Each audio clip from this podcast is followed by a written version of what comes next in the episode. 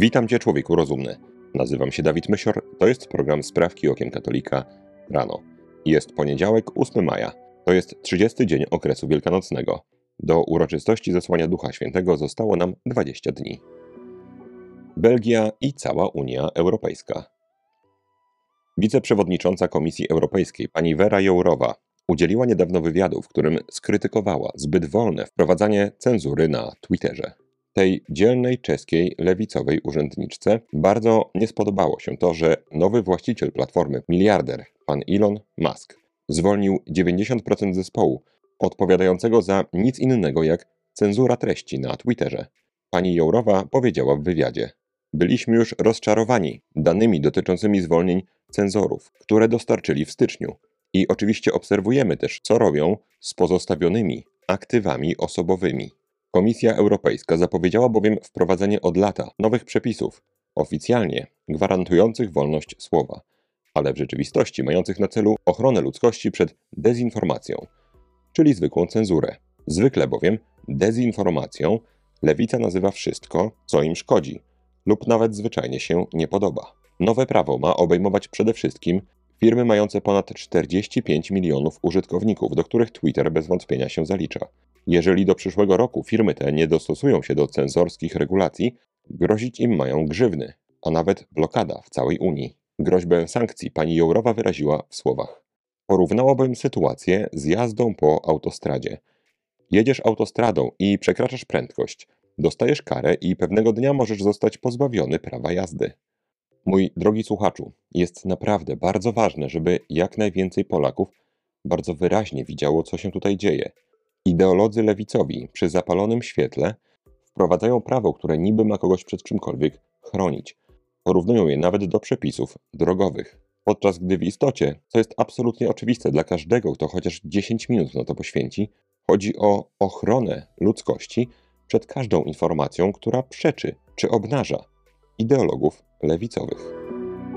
Ponownie Belgia, a z nią Unia Europejska. Szwedzka europoseł pani Malin Björk z partii Lewicy wysłała do wszystkich skrzynek mailowych Parlamentu Europejskiego zaproszenie o następującej treści. Z okazji szwedzkiej prezydencji w Radzie Europejskiej zaprosiłam artystkę fotograficzną Elizabeth Olson do zaprezentowania kilku swoich prac. Wszystkie prace, które wybrała na tę wystawę, mają tematykę związaną z LGBTQI lub inną integracyjną dotyczącą praw człowieka. Jedna z grafik pani Elizabeth Olson, która już niedługo ma być zaprezentowana przez dzielnych Szwedów w Parlamencie Europejskim, jest bluźniercza i przedstawia Chrystusa zmartwychwstałego, otoczonego przez grupę mężczyzn odzianych w perwersyjne stroje, przeznaczone do seksualnych dewiacji. Pani Elizabeth Olson już wcześniej zasłynęła z podobnych, obrzydliwych prowokacji. W 1998 roku opublikowała jedną ze swoich prac przedstawiającą ostatnią wieczerzę w konwencji LGBTQ. Wtedy prace pani Elizabeth nie zostały pokazane w Parlamencie Europejskim, gdyż zostały uznane za obraźliwe.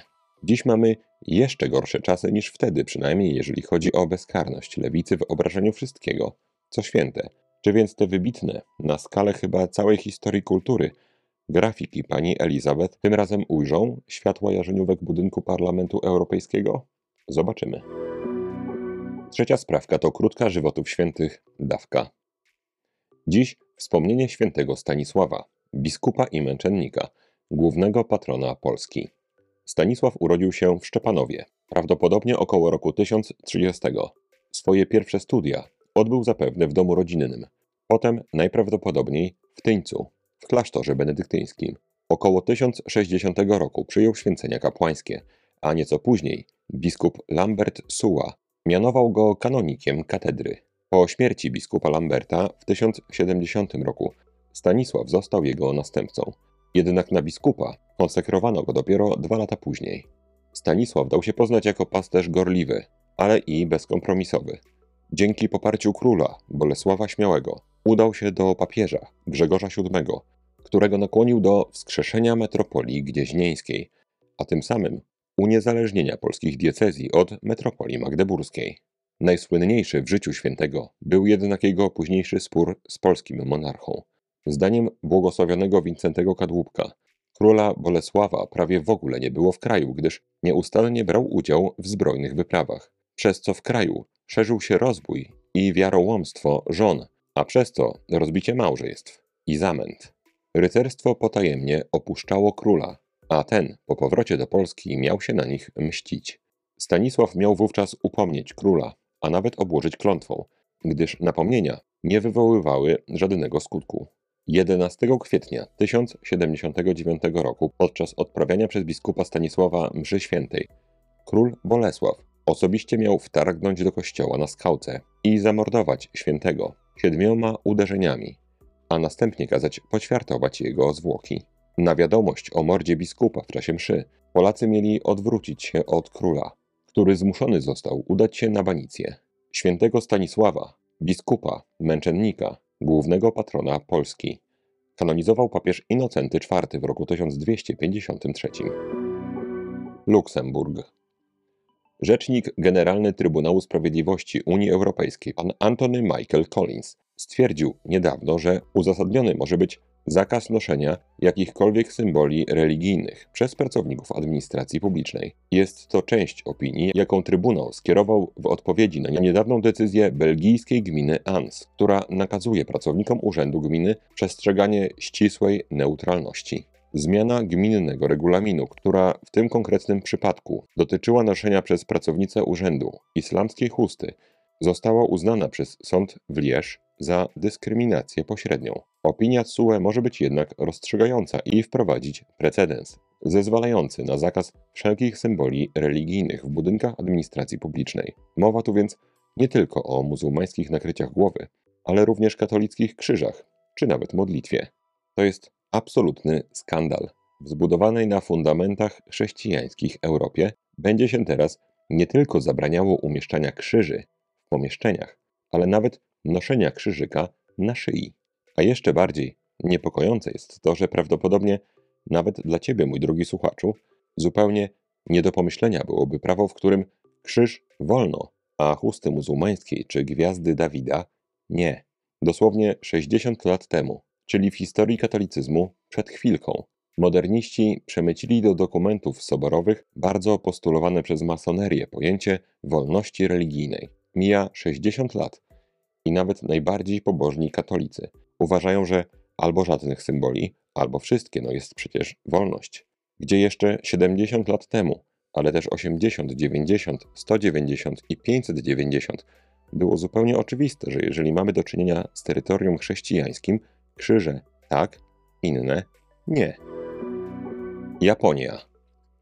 Jak informują polskie media o charakterze pro-life, japońskie Ministerstwo Zdrowia dopuściło do obrotu brytyjski środek Mefigo Pack.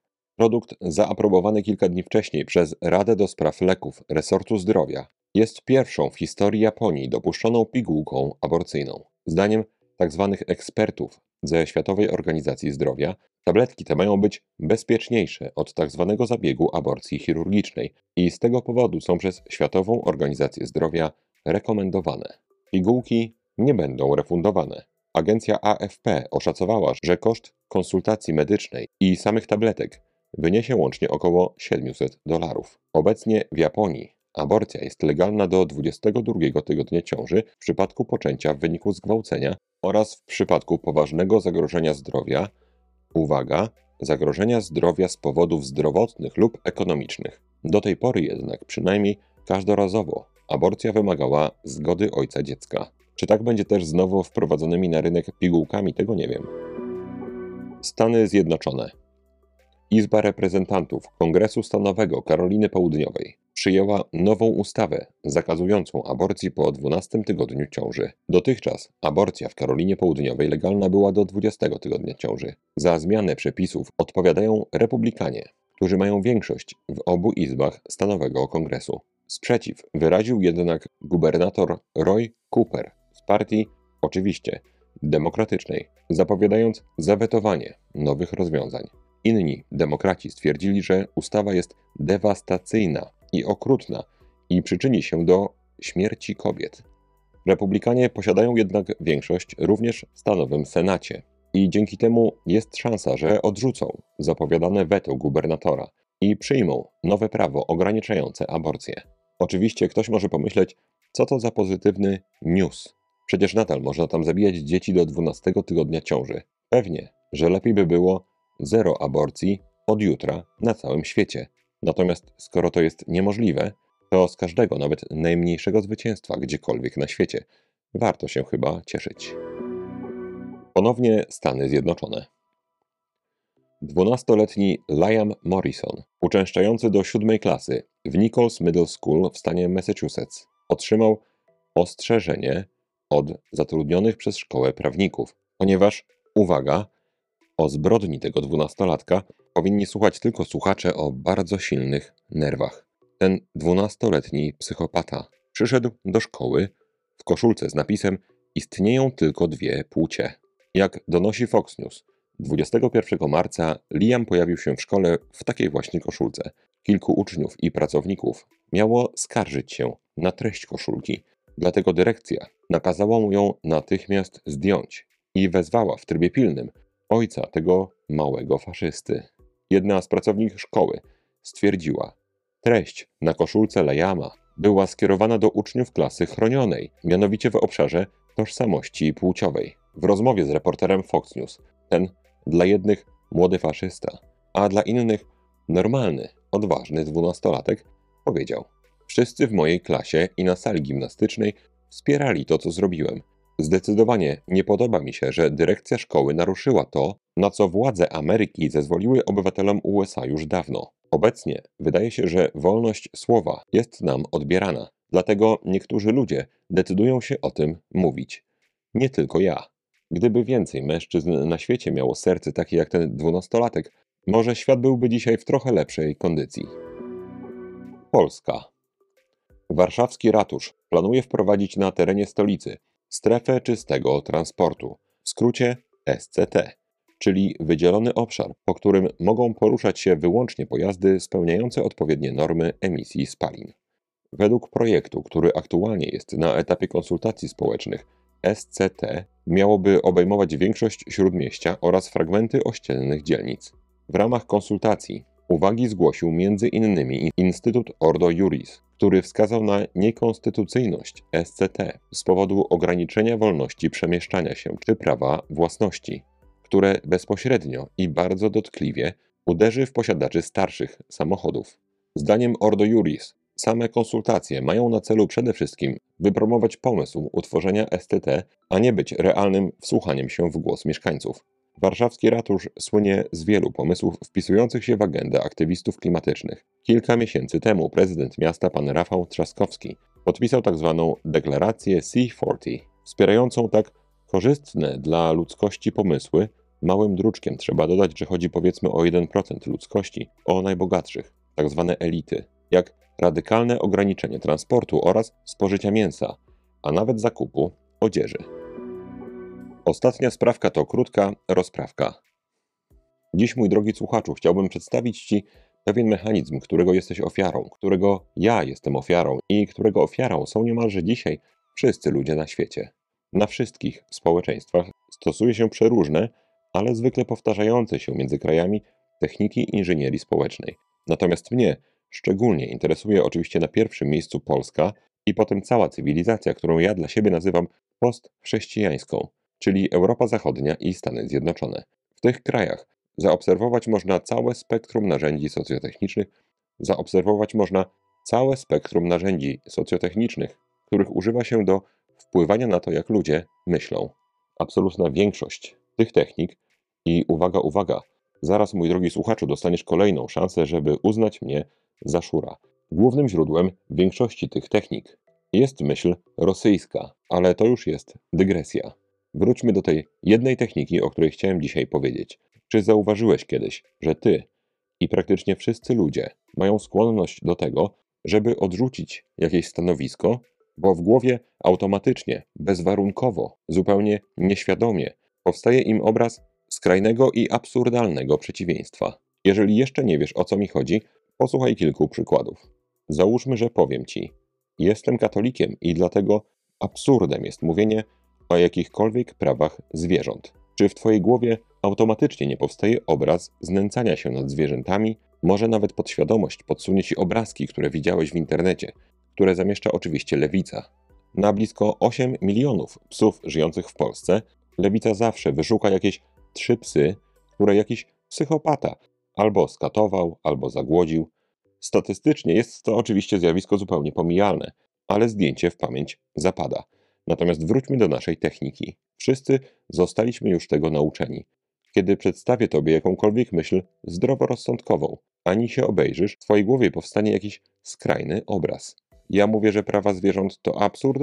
Ty pomyślisz o tych trzech, 33 czy 103 na 8 milionów psów, które ktoś skatował. Jeżeli ja powiem tęczowa szmata won, czy już oczami wyobraźni nie widzisz mnie może plującego na drugiego człowieka, który ma skłonności homoseksualne, gardzącego innymi ludźmi, czy też wywyższającego się nad nimi, a ja tylko powiedziałem, tęczowa szmata z przestrzeni publicznej. Won, proszę nie deprawować mi dzieci, proszę nie urządzać parad równości, dlatego że to nie jest żadna pokojowa manifestacja. To jest zwykle organizowana w biały dzień na oczach wszystkich orgia do rytmów techno. Proszę mi tej tęczowej szmaty nie nakładać w żaden sposób na wizerunki święte. Jezusa Chrystusa, Najświętszej Maryi Panny, apostołów, proszę tego nie robić. Won z tą tęczową szmatą. Jeżeli takie moje słowa wywołały w tobie, mój drogi słuchaczu, wątpliwość, czy ja przypadkiem tymi ludźmi nie gardzę, a może wręcz chciałbym homoseksualistów zrzucać z dachów budynków, jak to robią muzułmanie. Nie muszę chyba tłumaczyć, że nie. Jest to odruchowa reakcja Twojej podświadomości, którą w nas wytresowano. Jeżeli powiem Ci, że cały ruch eko to jest ściema, czy automatycznie nie pojawi Ci się w głowie wątpliwość, to co? Dawid na pewno wyrzuca plastikowe śmieci w środku lasu. Ma kompletnie gdzieś ptaszki, drzewa. Chce to wszystko niszczyć, bo uważa, że to nie ma żadnej wartości. Ja mówię tylko, że ruch eko to kompletna ściema. Lewica takich pułapek zastawia miliony. Natomiast jak człowiek się trochę uspokoi i spojrzy na to z dystansu, to da się to wszystko jakoś tam rozbroić. To na dzisiaj wszystkie sprawki okiem katolika rano.